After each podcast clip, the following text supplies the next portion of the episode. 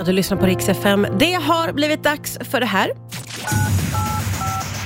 Martina Thuns lyssnarkorre. Ja, idag ska vi vända örat till Södertälje, för där finns ju Rosmarie och vi ska prata lite om, är det din akilleshäl Rosmarie? Ja, men det är nog fleras akilleshäl. Jaha, okej, vad rör det sig om? Folk som inte sopar av bilen. Jag förstår inte problemet. Oj, det här låter som att du har irriterat dig på ett tag. Eh, Ett, några år.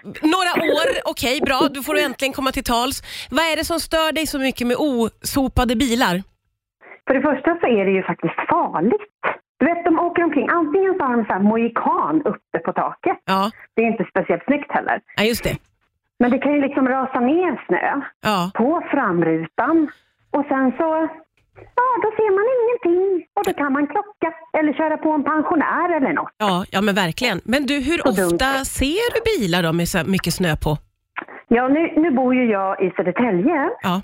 Och eh, här är det ett vanligt förekommande. Ah, okej. Sen är det säkert så i andra delar av landet.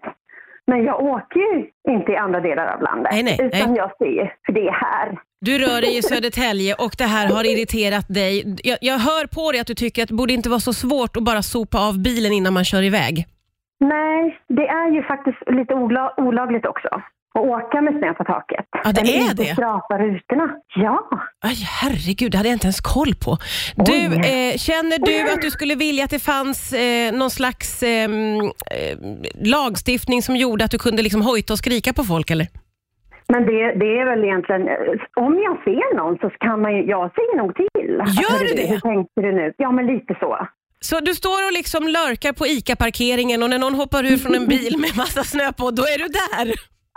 Nej, jag är inte någon lapplisa. Fast jag kanske skulle vara bra som sån. Du vet, man är lite god och glad. Ja, Och då kanske man verkligen. kan, men man kan ju bara informera.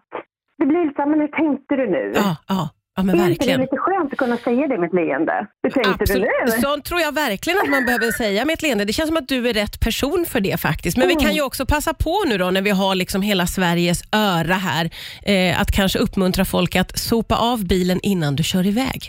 Absolut. 1500 kronor i böter.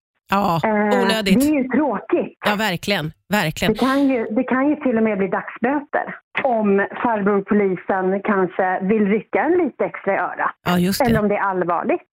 Men bra, du har gjort oss alla uppmärksamma på någonting som också kan rädda liv. Herregud! Ja! Rädda pensionärerna vid övergångsstället. Rädda säger jag. pensionärerna! Underbart Rosmarie, en bra tanke skickar du med oss. Tack snälla för den här veckan. Vi hörs snart igen. Tack